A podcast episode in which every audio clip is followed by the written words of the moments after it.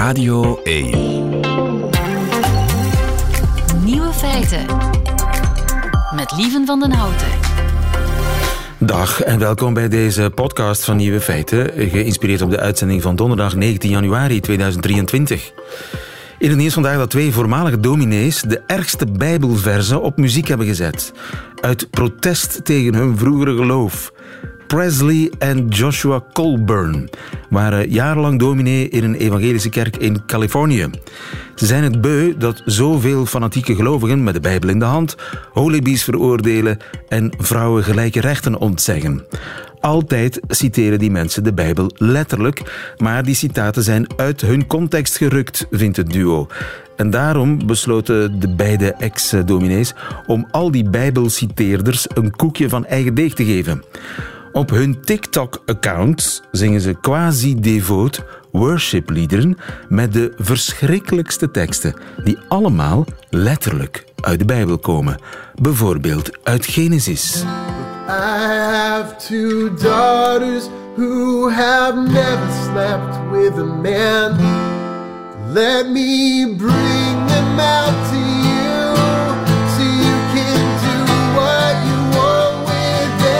Ik heb twee dochters die nog nooit met een man hebben geslapen. Laat me ze je naar je brengen, zodat je met hen kan doen wat je wil. Genesis hoofdstuk 19, vers 8. Of neem nu deze psalm.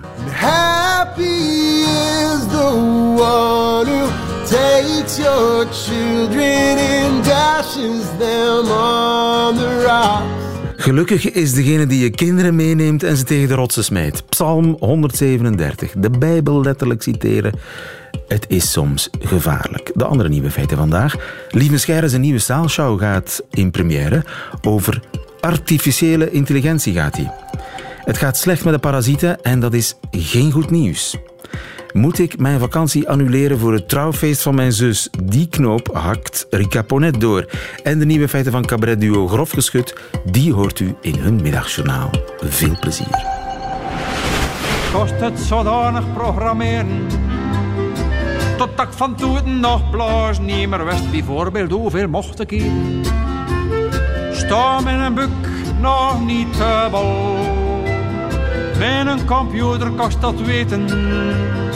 De stand van mijn cholesterol. Lieve Scheire, zeer welkom in Nieuwe Feiten. Dank u wel. Wat zeg je daarvan? Willem Vermanderen in 1981. En toen over de computer waarschijnlijk. En de software en de computerchips en zo. Want Mimo loopt langs de straten, want, ik, ik, eh, want hij heeft een computer en die computer kan weten of zijn buik nog niet te bol staat, of zijn cholesterol niet te hoog is Ja. en hoeveel hij mag eten. Hij kost het zodanig programmeren tot ik van toeten nog blazen niet meer west. Ja, eigenlijk zou Willem Vermanderen de hele wereld moeten recenseren. Hè. Eh, Voordat we een technologie goedkeuren, moet Willem Vermanderen er een liedje over schrijven. Maar wacht eens even, dat is dus, als ik even goed kan tellen, 42 jaar geleden.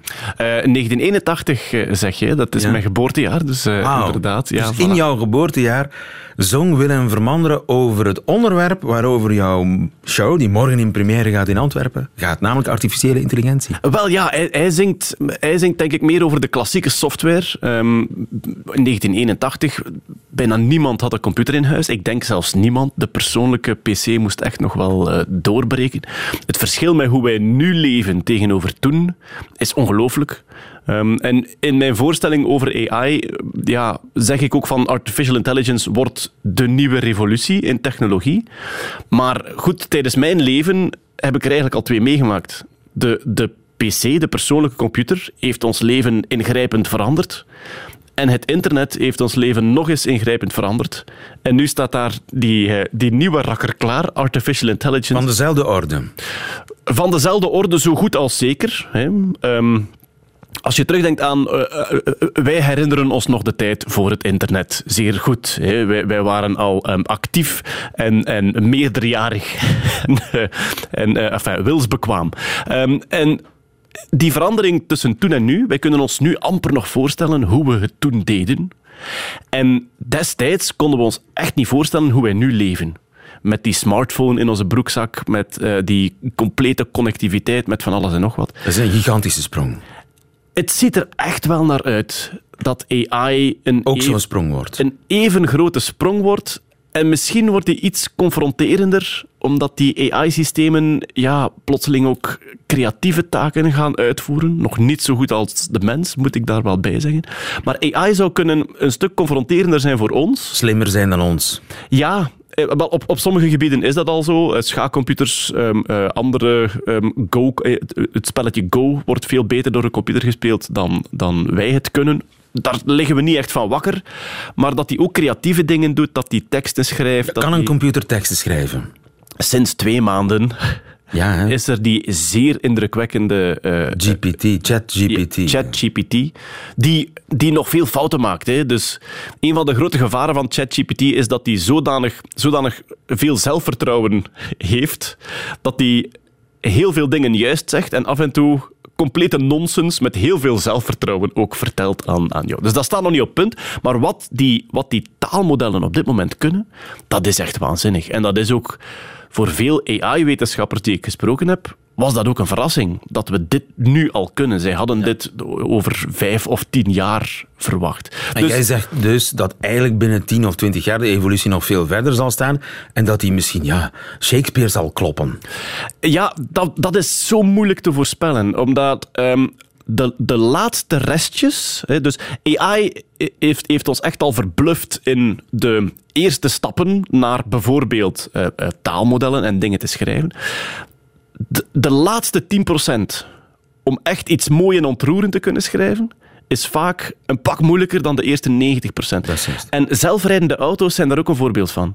De basis, rijstrook volgen, eh, afstand houden van de anderen, ehm, eh, zelfs eh, invoegen enzovoort. De basis hadden we vrij snel onder de knie. Wat blijkt nu? Die full self-driving car, die waarvan Ook je... door Calcutta kan rijden. Inderdaad. En waarvan je zegt, start nu en ik hoef niks te doen. Ja, die laatste 10%, daar bijten we eigenlijk de laatste jaren onze tanden op stuk. En een van de redenen die ik altijd aangeef is, een, een volledig zelfrijdende auto volgt de verkeersregels. En zo raak je nergens, natuurlijk. Eh, Maar, die- maar die- dus ook Tom Lanois mag voorlopig eh, op beide oren slapen. Hij zal het niet meer meemaken dat AI zijn roman verbetert. Of dat, die, dat de AI een betere roman kan schrijven dan... eh, ik- ga, eh, ik ga nu niet ehm, met stellige zekerheid zeggen dat hij het niet meer gaat meemaken. Want de, de plotse sprongen in AI-onderzoek en de, de keren dat we van onze stoel geblazen zijn de voorbije jaren zijn er te vaak geweest. Maar ik verwacht het niet, omdat ik denk dat ehm, de laatste 10% om niveau Lanois te halen, dat die echt wel zeer pittig zijn en volgens mij ja. heel moeilijk zijn voor een Ja, AI-systeem. ik denk dat hij dat zelf ook zal beamen. Hè. Hij, hij kan natuurlijk elke dag eh, wel een hoofdstuk eh, schrijven, maar een echt goed hoofdstuk, daar is die laatste 2% zelfs. Daar Wel, kruipt alle, alle Nick Cave, eh, Nick Cave heeft luidkeels geklaagd over ChatGPT, denk vorige week. Wat kan je vragen aan ChatGPT? Ehm, schrijf mij een liedje ehm, over het beste hamburgerrecept ter wereld in de stijl van Nick Cave. En dat ding doet dat. En die schrijft een tekst die echt waar, op het eerste zicht, enorm op een Nick Cave-nummer lijkt. Mensen vonden dat fantastisch en waren dat allemaal aan het opsturen naar Nick Cave. Van kijk, eh, AI schrijft songteksten in uw stijl. Maar die ziet iets binnenkomen, zo gezegd in zijn stijl, wat eigenlijk een beetje slap afkooksel is van de ziel die hij in zijn songteksten legt. En hij was echt gedegoteerd en heeft een, een gedegoteerde blogpost geschreven over... Het is een pastiche hè, die je kunt maken als student. Ja, voilà. Je kunt ook een Gerard Reven nabootsen. maar Inderdaad. alleen Reven zelf kan dat schrijven, want hij ziet onmiddellijk waar, waar het verschil zit. Ja, en dat is het geheim dat alleen hij weet. Kan een eh, AI, kan een computer een diagnose stellen? Eh, dat, eh, dat is een van de eerste toepassingsgebieden. De medische diagnose wordt nu al enorm geassisteerd door AI-systeem. Dus dat wordt, da- daar zie je veel sneller nog veel meer evolutie komen. Ja, dat, is nu al, dat, dat wordt nu al gebruikt. Ehm, ehm, vooral in de States, denk ik. Ik weet niet hoe het zit in België, maar in, in eh, Amerika, als er een scan genomen wordt, kan een röntgenscan zijn, kan een, een MRI-scan zijn, dan krijgt de arts meestal AI-advies. Het AI-systeem denkt dit. En dan kan de arts zelf beslissen of die daarin volgt of niet. Eh, in België heb je Mona. Mona is een bedrijf dat op basis van netvliesfoto's probeert om vroege blindheid, ehm, ja, risico op blindheid bij diabetespatiënten vroeg te voorspellen. Waarom doen ze dat? De wachttijd voor de oogarts is zes maanden. En dat fototoestel staat daar gewoon. Je neemt die foto van je netvlies en dat AI-systeem zegt onmiddellijk, jij moet op diagnose en jij, of jij moet eh, verder onderzocht worden en jij niet. Jeetje. En daar hebben ze wel iets gek mee meegemaakt. Dat AI-systeem kon opeens, op basis van uw netvliesfoto, ook uw geslacht zien. Kon zien of je man of vrouw bent. En er is geen enkele oogarts ter wereld die dat kan. Dus het AI-systeem heeft een patroon gevonden in het netvlies dat geslachtsafhankelijk is. Maar het kan ons niet vertellen wat. Want een AI-systeem is een black box. Zo slim is het ook weer niet, dat het weet waar het de informatie vandaan haalt. Dus de Ja. AI zelf weet niet hoe het die informatie Weet flikt, Nee. er is een patroon ontdekt door het neuraal netwerk te trainen. Wat dat patroon is, nobody knows. En nu zijn ze aan het verder kijken. Nu zijn ze aan het verder kijken bij Mona, hè, Belgisch, Belgisch start-up bedrijf. Wat kunnen wij nog uit een netvlies halen? En nu gaan ze kijken naar, kunnen wij hart- en vaatziekten voorspellen uit een netvliesfoto? Kunnen wij Alzheimer voorspellen uit een netvliesfoto? Dus die medische diagnose staat zelfs op het punt om AI-systemen Een app te worden. Dat kan gewoon een app worden, dat iedereen thuis zelf kan checken. Je hebt, een, je hebt een bijzonder fototoestel nodig om je, om je Ah, netvlies eh, te bereiken, maar de, de melanoom-app is wel in ontwikkeling. Ah, ja. Dus dat je van eh, huidvlekjes waar je je zorgen over maakt, dat je eigenlijk simpelweg een foto neemt en dat de app zegt verder onderzoek is nodig of niet. Natuurlijk, dat zijn dingen die echt op punt moeten staan, want je wil geen vals negatieven. Hè. Een app die zegt alles is oké en achteraf blijkt van niet, wil je niet meemaken. Maar medische diagnose en AI, dat gaat een hele, hele eh, hoge vlucht nemen. Ja, en waar ligt dan uiteindelijk de verantwoordelijkheid? Hè? Als AI zegt, eh, die man is gezond, als de dokter zegt, nee hoor, die man is ziek, of omgekeerd. Als er achteraf blijkt dat de ene gelijk had en de andere niet, ja, wie... Ja, maar er komt nog wat advocatenwerk hoor. Ik denk, ja, het, het moment dat een, dochter, een, een, een dokter aangeklaagd wordt omdat hij de AI niet gevolgd heeft, bijvoorbeeld, zou Ja. even goed kunnen gebeuren. Dat, eh, ja, ja. Advocaten kunnen bijvoorbeeld ook wel AI gebruiken misschien. Of misschien kan AI de advocaat ook vervangen. Eh, we staan op het punt om eh, vol komende maand iets mee te maken. Eh, komende maand zal er in Amerika een AI-advocaat proberen om een ehm, klant vrij te pleiten van ik denk dat het een eh, snelheidsovertreding is. En dat is een, een wetenschappelijk experiment, of dat is echt in de echte wereld dat dat gebeurt? Dat is in de echte wereld en dat is een, eh, een beetje een stunt van een bedrijf dat heet Do Not Pay. En Do Not Pay is eh, ooit opgericht door een eh, rechtenstudent. En die dacht, er zijn zoveel procedures, zoveel moeilijke procedures in, in ja, bijvoorbeeld klantendiensten. Ehm, een abonnement opzeggen wordt speciaal lastig gemaakt door klantendiensten. Dus wat heeft hij gedaan? Hij heeft dat geautomatiseerd en hij heeft voor alle grote televisiediensten heeft hij gewoon gezegd, eh, zeg mij... ehm, wat ik moet doen voor u. En dan vanaf dat je invult, ik wil daar weg, dan doet het computerprogramma alles voor u. En zo kan een computerprogramma ook je advocaat zijn. Dat wil hij nu testen.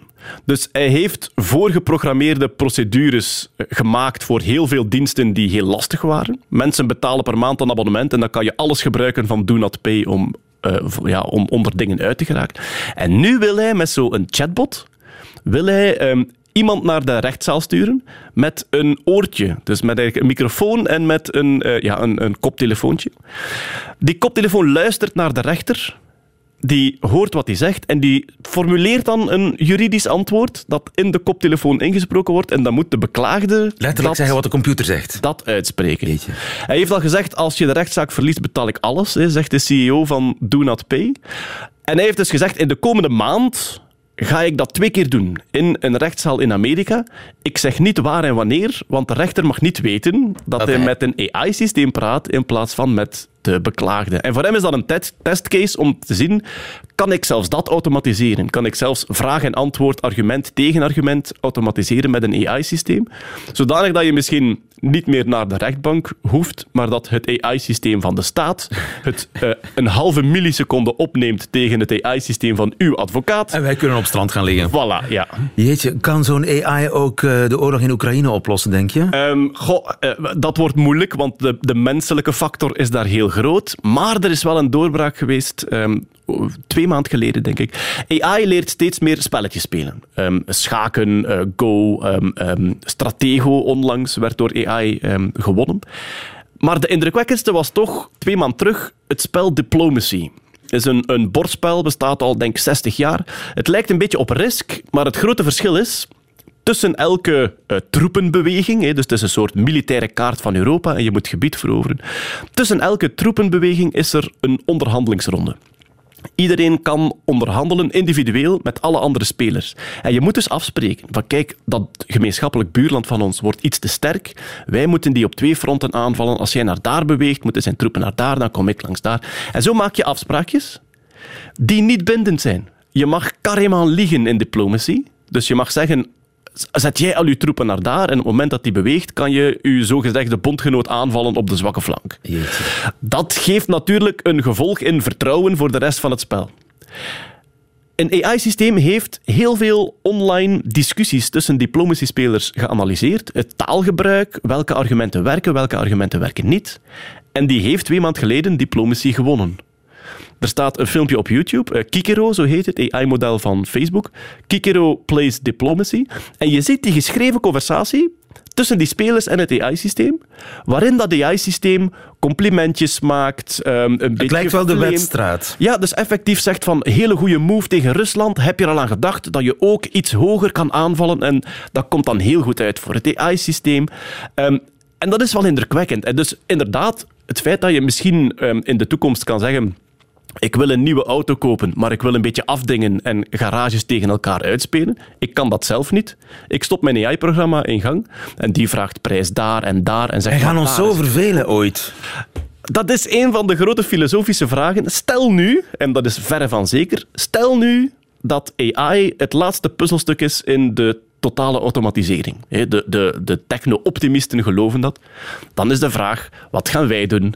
Waar komt onze Wij zijn eigen hier wa- overigens niet. Hè. Wij liggen eigenlijk al op een strand in Barbados. Ah, oké. En ja, ja, wij liggen nu met een virtuele bril in de simulation ehm, Radio 1 te spelen.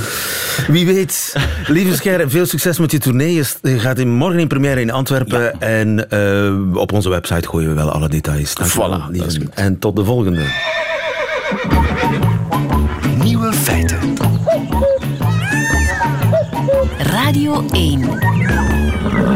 Het gaat slecht met de parasieten. En dat is gek genoeg geen goed nieuws. Dirk Drouwlands, goedemiddag. Goedemiddag, lieven. Je bent eh, knakjournalist en bioloog des vaderlands. Collega's van jou in Seattle, in het noordwesten van de Verenigde Staten, hebben een groot onderzoek gedaan naar parasieten bij vissen. Waarom bij vissen? Omdat dat eigenlijk gemakkelijker was dan bij vogels of zoogdieren. Omdat men effectief wilde nagaan of er trends zijn in de evolutie van het bestand van parasieten over een langere periode. En dit eh, onderzoek ging over 140 jaar. En ze hebben dus eigenlijk collecties van zeevissen in museums gaan eh, oprakelen en gaan, gaan bekijken om te zien of dat die parasieten er nog in zitten.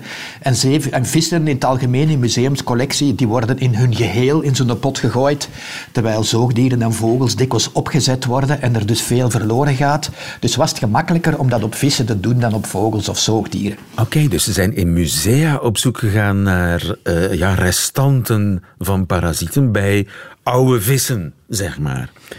Ja, en dat dan vergeleken met nieuwe vissen. Hè. Dus tot 2019 liep het werk. Dus over een periode van 140 jaar. En ze hebben daar dan van bijna 20.000 eh, vissen in onderzocht. En parasieten, nee, sorry, ze hebben daar bijna 20.000 parasieten in gevonden in een 700-tal vissen. Van een 85-tal soorten parasieten. En daar heeft men van moeten vaststellen dat meer dan de helft daarvan, van die parasieten, een crash in de populatie heeft gekend. Dus echt zwaar is achteruit gegaan. Dus meer dan de helft van de parasieten is eigenlijk uitgestorven of bijna. Ja, eh, er zijn er van de 85 die ze bestudeerd hebben, zijn er 10 compleet verdwenen. En, eh, en, en waarvan de meeste sinds eh, 1980, dus de laatste, laatste 40 jaar bij wijze van spreken. En de rest is eh, zo ongeveer, gemiddeld zijn ze ongeveer gezakt met 11% per 10 jaar. Wat dat, als je dat vergelijkt met vogels, is dat gemiddeld 6% per 10 jaar. Insecten is gemiddeld 9% per 10 jaar. Daar wordt dan alarm over geslagen, maar bij parasieten met die min 11%, ja, dat geeft weinig commotie, omdat parasieten nu ene keer niet echt geliefd zijn en, eh, en niet als een target beschouwd worden van het natuurbehoud bijvoorbeeld. Ja, ik Dus, eh, ik- maar eigenlijk zijn dat dramatische cijfers. Dramatisch, hè? maar inderdaad, parasieten, eh, ik kan er maar drie noemen. Vlooien, teken en lintwormen. Ja, en vlooien en teken zijn dan nog eigenlijk vooral overdragers van de echte parasieten die, die, die zij meenemen. En eh, dat zijn dan de, de parasieten die wij kennen, omdat ze schadelijk zijn voor de mens.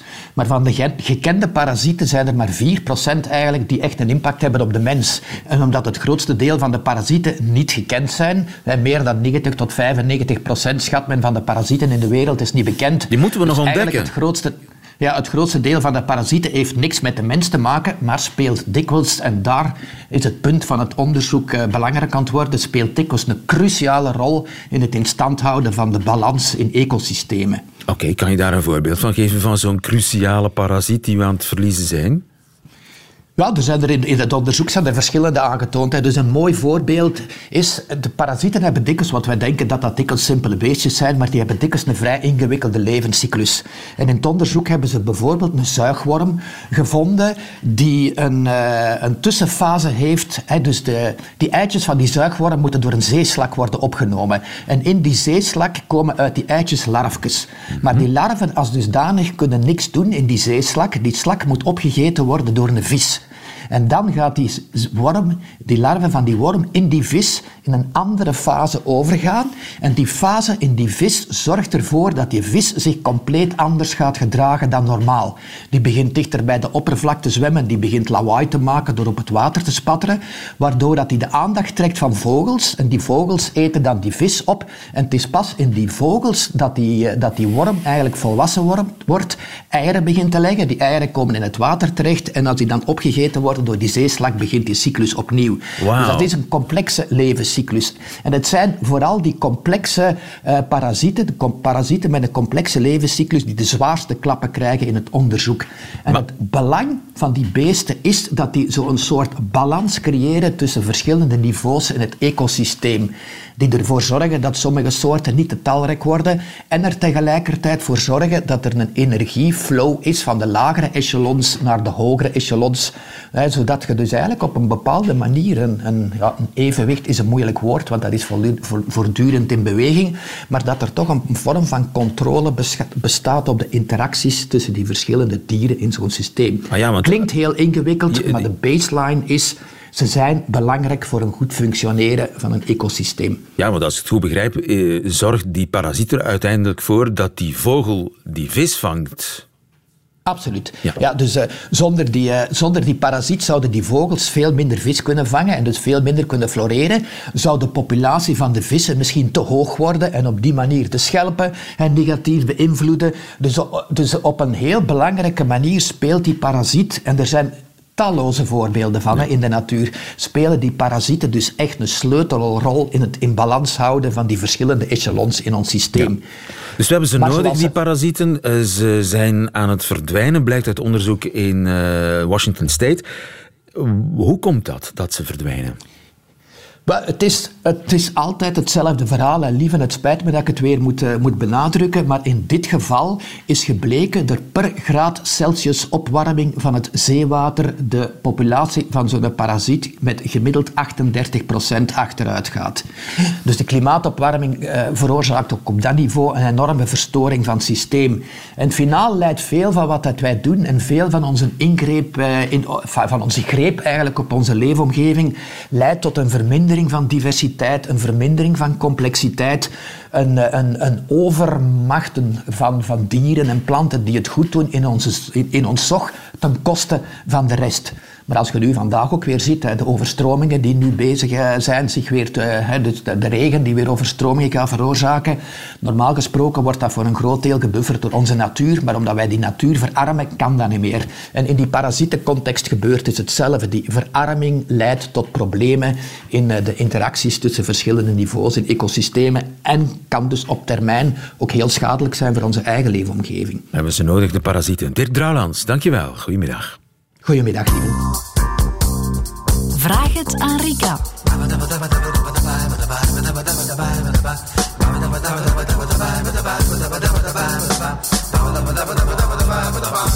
Trouwe post. Op donderdag, Rika Ponet, goedemiddag. Goedemiddag, lieve. Ik heb wel tonnen vragen voor jou binnengekregen. Heb jij er zin in, in een dilemma? Zeker, altijd. Dit dilemma komt van Karen. Zij schrijft: Ik ben 35 jaar, ben getrouwd en heb twee jonge kinderen. Ik ben spoedarts en ook mijn man heeft een veeleisende job. Deze zomer trouwt mijn zus. En dat zorgt voor spanningen in de familie. Onze vakantie naar Kreta was namelijk al geboekt en haar trouwdatum valt daar middenin. Ja, Ja. Het is de enige periode waarin wij op vakantie kunnen gaan. We hebben heel veel nood aan die vakantie, want door onze jobs zien we elkaar als gezin niet vaak tijdens het jaar. Ik moet vaak op onmogelijke uren werken en mijn man maakt vaak lange dagen en kan alleen op vakantie tijdens die periode het bouwverlof. Ja. Deze vakantie geeft ons rust als gezin even niets aan het hoofd. De trouwdatum is voor mijn zus onbespreekbaar. Ze zegt dat daar geen beginnen aan is, omdat je nooit met iedereen rekening kunt houden. Dat begrijp ik helemaal. Al moeten wij daardoor wel een moeilijke keuze maken. Anderzijds is het haar keuze natuurlijk om in de vakantie te trouwen en weet ze dan ook dat er mensen op vakantie zullen zijn of hun vakantie zullen moeten aanpassen aan hen. En daar wringt het schoentje, schrijft Karen. Mijn zus en onze ouders vinden het vanzelfsprekend dat wij onze vakantie afzeggen en nemen het ons enorm kwalijk dat we niet eenduidig laaiend enthousiast zijn. Dit veroorzaakte al veel spanningen in de familie. Mooie kerst moet het geweest zijn. Om deze spanningen verder te vermijden, het is nog niet afgelopen, blijf bij mij. Om deze spanningen verder te vermijden, hebben wij onze vakantie intussen geannuleerd, Amai. schrijft Karen. We hebben een andere, kortere vakantie geboekt, zodat we op haar trouw aanwezig kunnen zijn. We kozen voor Barbados. Voor het eerst naar een ander continent. Dat stond al van voor corona op onze droomlijst. Voor de kinderen ook een eerste vliegreis. Zo hopen we dat deze kortere vakantie niet zal voelen als een mindere vakantie. Maar nu blijkt dat mijn zus een week voor de trouw voor de wet wil trouwen. En haar fotoshoot wil doen. Tijdens onze reis naar Barbados. Wij hebben laten weten dat we daar niet bij zullen zijn. Mijn zus neemt me dit kwalijk, want we doen alweer moeilijk. En mijn ouders doen sindsdien heel beladen in hun contact met mij. Ze vinden dat er niet meer over gepraat mag worden. Met mijn zus gaan ze wel normaal om. Wat doe ik? Ik vind niet dat ik twee keer mijn vakantie moet aanpassen. Ik vind dat ik al mijn best gedaan heb om rekening te houden met wat ik zelf nodig heb en met mijn zus. Ik vind het pijnlijk en onterecht dat mijn ouders hierin openlijk partij trekken voor mijn zus. Ik voel me in de steek gelaten door mijn ouders. Ik voel me niet gehoord of gezien in mijn behoeften en ook niet in mijn loyaliteit naar mijn familie. Het voelt aan alsof er met mij in deze familie geen rekening gehouden wordt. En dat is niet de eerste keer. Ik heb het gevoel dat er van mij vaak verwacht wordt dat ik me plooi naar de behoeften van anderen, maar dat er met de mijne weinig rekening gehouden wordt. Ik weet niet hoe en of ik met deze familie verder wil. Of kan, schrijft Karen, die kennelijk al flink nagedacht heeft over haar situatie. Eh, ja, absoluut. En ehm, ik denk als je het zo ehm, oppervlakkig beluistert naar de inhoud, dat eh, nogal wat mensen zeggen van zeg, voert, trekt u dat niet aan en vertrekt op reis en komt wel goed, waait wel over, hè, dat soort houding. Maar het feit dat, het, dat ze het zo uitgebreid beschrijft en dat ze eh, uiteraard ook deze brief schrijft, eh, wil zeggen dat er eh, veel meer aan de hand is en het zeker niet zo eenvoudig ligt. Ehm, Wat is hier aan de hand? dit gaat over familieloyaliteit. En ehm, we kunnen maar, en ook op volwassen leeftijd, we zeggen heel vaak, en iedereen weet dat, kinderen zijn heel, loyaal naar hun ouders toe, hè, naar een, een kerngezin toe. En ook op volwassen leeftijd eh, blijft dat een, ehm, een hele belangrijke. En de, het belang van die loyaliteit, of hoe diep die loyaliteit gaat, die eh, kan je maar snappen als je eigenlijk weet waarover dat, dat gaat. De loyaliteit van kinderen naar ouders toe. Het is van ouders- Karen naar, naar haar, haar ouders. ouders toe, ja. Die partij kiezen voor haar zus. Voor haar zus, ja. Maar eigenlijk gaat het vooral over de relatie die zij heeft met haar ouders. En waarover gaat dat? Ja, je ouders geven je het leven. Dat is een enorm geschenk. En alle kinderen, um, er is een diep besef dat dat zo is en dat uh, je ouders uh, de bron van jouw bestaan zijn. En eigenlijk willen we als kind daar iets rond teruggeven. Dat gaat over een bepaald soort van evenwicht, hè, dat je in die loyaliteit tot stand wil brengen. Dus jij krijgt dat, jij wil iets teruggeven. En dat doe je door iets van je leven te maken, uh, maar vaak ook door de dingen te doen die je ouders van jou verwachten. En, Op de um, trouw aanwezig zijn van je zus. In dit, ja. En dan merk je, ja, um, naarmate je volwassen wordt, komt dat soms al eens in conflict met je eigen individuele verlangens. Ja. In, maar in, in, dit geval heeft ze toch goed opgelost. Zeg van, ja. Ik vind dat ze al een enorme stap gezet heeft. Ze heeft een vakantie Absoluut. geannuleerd ja. en, en een andere vakantie, een kortere vakantie geboekt. Dat, dat, dat, dat, ze heeft haar loyaliteit toch getoond. getoond. Absoluut. Ja, als je het heel rationeel bekijkt, dan kan je inderdaad zeggen, eigenlijk um, heeft ze gedaan wat ze moet doen. Hè, dit is prima. Maar wat merk je? Die ouders en ook die zus vinden blijkbaar dat um, op de allereerste plaats de familie komt. En al je individuele verlangens daaraan ondergeschikt zijn. Ik zie dat wel vaker, dat, um, dat, ja, dat, dat dat verwacht wordt in het gezin van oorsprong door um, ouders. Maar dat dat verwacht wordt, neem ik aan, maar dat je, dat je daarnaar daar schikt, schikt is, is nog dat... een ander verhaal. Ja. Nu, wat merk je ook? Ehm, je zei daar juist al kerst en ik vond dat eigenlijk wel heel betekenisvol. Ja, we hebben dat ook nog niet zo lang achter ons liggen. Um, telkens opnieuw als mensen terugkeren naar hun gezin van oorsprong, keren ze eigenlijk ook een stukje terug naar de rol die ze in dat gezin van oorsprong hadden. Ze, worden, ja, ze voelen zich opnieuw zo. Ze worden dat niet zo, maar ze worden dat niet opnieuw, uiteraard, maar ze voelen opnieuw die oude dynamiek en ze gaan daar vaak ook opnieuw in staan. En bij zo'n trouwfeest heb je dat dan ook. En vandaar ook dat zij heel uitvoerig aangeeft, ja, eigenlijk ik voel mij enorm afgewezen, niet erkend in um, al mijn inspanningen die ik lever hè, om, um, om gezien te worden. Absoluut terecht. Nu, breken met je familie, dat is nooit een goed idee. Um, uiteraard is dat soms de, de enige weg, hè, omdat het anders absoluut niet leefbaar is. Maar zover lijkt het mij hier nog niet gekomen te zijn. Wat wel een belangrijke is, en dat is iets wat nogal wat mensen ook rond feesttafels ervaren, hè, met kerst en nieuw en, en alle grote feesten, het is wel een goed idee om eens goed na te denken over de rol die je had in dat gezin van oorsprong en als volwassene te durven breken met die rol. En het is heel duidelijk... Wat zou die rol dan kunnen geweest zijn? Of heel hard pleasen en proberen tegemoet te komen aan de verwachtingspatronen die die ouders hadden. Wat zie je ook? Het is niet omdat ouders zeggen dat ze al hun kinderen even graag zien, dat ze hun kinderen ook allemaal op dezelfde wijze behandelen of benaderen. Um, dus een stukje loskomen en afstand durven nemen van wat verwachten mijn ouders en wat wil ik graag in mijn leven? Hè? Uh, en dat zijn dan haar, wat we noemen in de psychologie, haar horizontale loyaliteiten, die liggen bij haar partner, bij haar gezin. De verticale, dat zijn die naar boven toe, liggen bij haar ouders. Vandaar voor jezelf een evenwicht in te zoeken.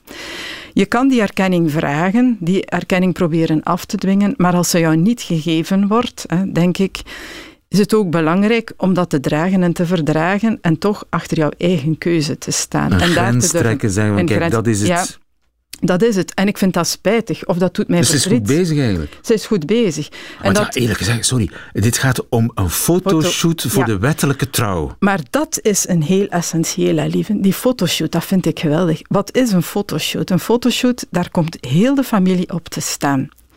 Uh, ja, ik weet niet of jullie dat thuis soms doen, maar ik doe dat zo al eens door de fotoalbums uh, van het, ook van mijn ouders als ze trouwden. Beeld je zin, je staat niet op, uh, op die foto's. Ja, maar er is toch de echte ja. trouw, of de kerkel, of ja. weet ik veel welk voor trouw het is, Maak dan de fotoshoot. Ja, maar het is bijna alsof dat de familie u metaforisch verplicht. Als je test. bij deze familie wil horen ja. en dus op de foto's wil staan, hè, want dat is het levendige bewijs dat jij deel bent van deze familie, dan ga je toch je vakantie moeten opgeven en jouw verlangens ondergeschikt maken aan het belang van de familie. Zal zij haar vakantie op Barbados annuleren, denk je? Ik denk dat niet. En je hoopt van ik, niet? Ik hoop van niet. Ja, ik hoop dat ze dat innerlijke conflict aanpakt. En ehm, ja, ook het verdriet dat daar zeker zit, omwille van het feit dat je al zo lang je best doet, al zo lang probeert de ideale dochter te zijn en daar toch niet echt de erkenning voor krijgt, dat je dat op de een of andere manier ook ja, gewoon probeert te dragen en, ehm, en daarmee verder gaat. En uh, met jouw leven, hè, met haar kinderen, met haar partner en, uh, en geniet vooral van haar vakantie. En, ja. en, en, van het trouwfeest. En van het trouwfeest nadien, ja. Dus, ons op de hoogte, Karen. Veel uh, sterkte en wijsheid. Ik hoop dat we jou geholpen hebben. Zijn er nog mensen met vragen, dilemma's voor Rika? Laat het ons weten via nieuwefeiten.radio1.be. Tot volgende week. Heel graag. Nieuwe feiten. Radio 1. En dat waren ze meteen, de nieuwe feiten van 19 januari 2023. Alleen nog die van het Vlaams-Nederlandse cabaretduo Grof Geschut. Die krijgt u nu in hun middagjournaal. Nieuwe feiten. Middagjournaal. Beste luisteraar. Een jaar geleden nog deelde ik in ons middagjournaal mijn verwondering over het meter- en peterschap in België. Iets dat we in Nederland niet kennen. En nu ben ik zelf trotse meter geworden van een lief klein frummeltje. De broer van haar, Jonathan, heeft een derde kindje gekregen. Een knap bazeke van 3 kilo 570. En Mirte mag zich sinds gisteren Meter Mirte noemen. Officieel is het Meter Mitter. Ja, het oudste zoontje noemde mij altijd Mitte, tot hij er rond zijn tweede levensjaar achter kwam dat er ergens een R miste. Mitter, dus. Ze mocht gisteren ook al meteen op bezoek gaan. De nageboorte was nog niet afgekoeld of zij stond al aan dat ziekenhuisbed te trappelen. En hij werd in mijn armen gelegd. Oké, okay. voorzichtig vasthouden, goed het nekje ondersteunen, niet op het hoofdje duwen. Toen de eerste schrik was geweken, hebt je waarschijnlijk stiekem een beetje aan hem gesnuffeld. Ja, ja, ik ben een snuffelaar. Ik moet aan alles ruiken. En meestal vooral aan boeken, de haartjes op mijn onderarmen en mijn bovenlip. Vooral dat laatste ziet er altijd een beetje vreemd uit. Maar de geur van baby's is goede shit.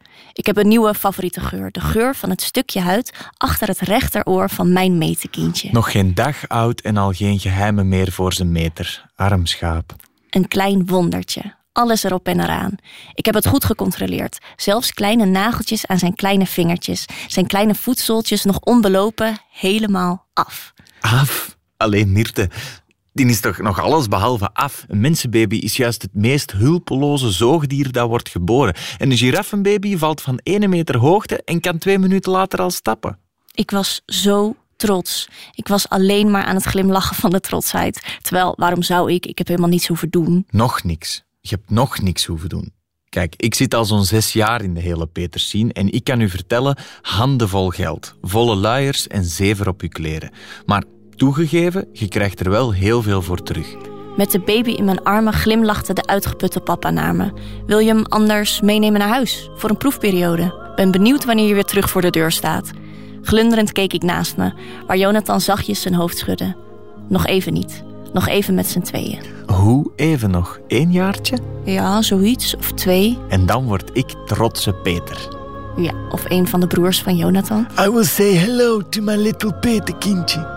Ja, dus of een broer. I will make you an offer you can't refuse. Lander. Otherwise, I will put a horse head in your bed. Ja, of jij. Tot, Tot morgen. morgen.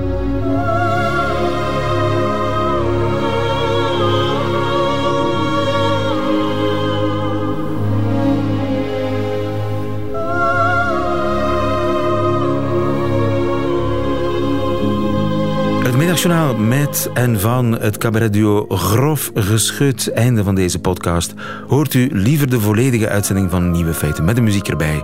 Dat kan natuurlijk live elke werkdag tussen 12 en 1 of on demand via de Radio 1 app of website. Tot een volgende keer.